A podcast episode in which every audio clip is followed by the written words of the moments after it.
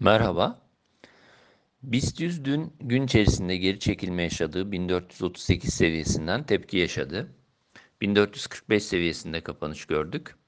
Endekste 5 günlük ortalama bölgesi üzerindeki hareket halen korunuyor.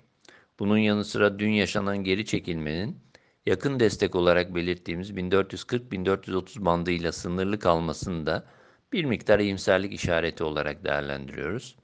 Bu aşamada endekste saatlik periyot için ortalamalardaki yukarı eğilime bağlı olarak 1450-1470 direnç bandına yönelik denemelerin devamının olasılık dahilinde olduğunu düşünmeye devam ediyoruz. 1430-1410 bandı altına inilmesi durumunda ancak kısa periyot için ortalamalarda yeni bir zayıflama süreci yaşanabileceğini söyleyebiliriz.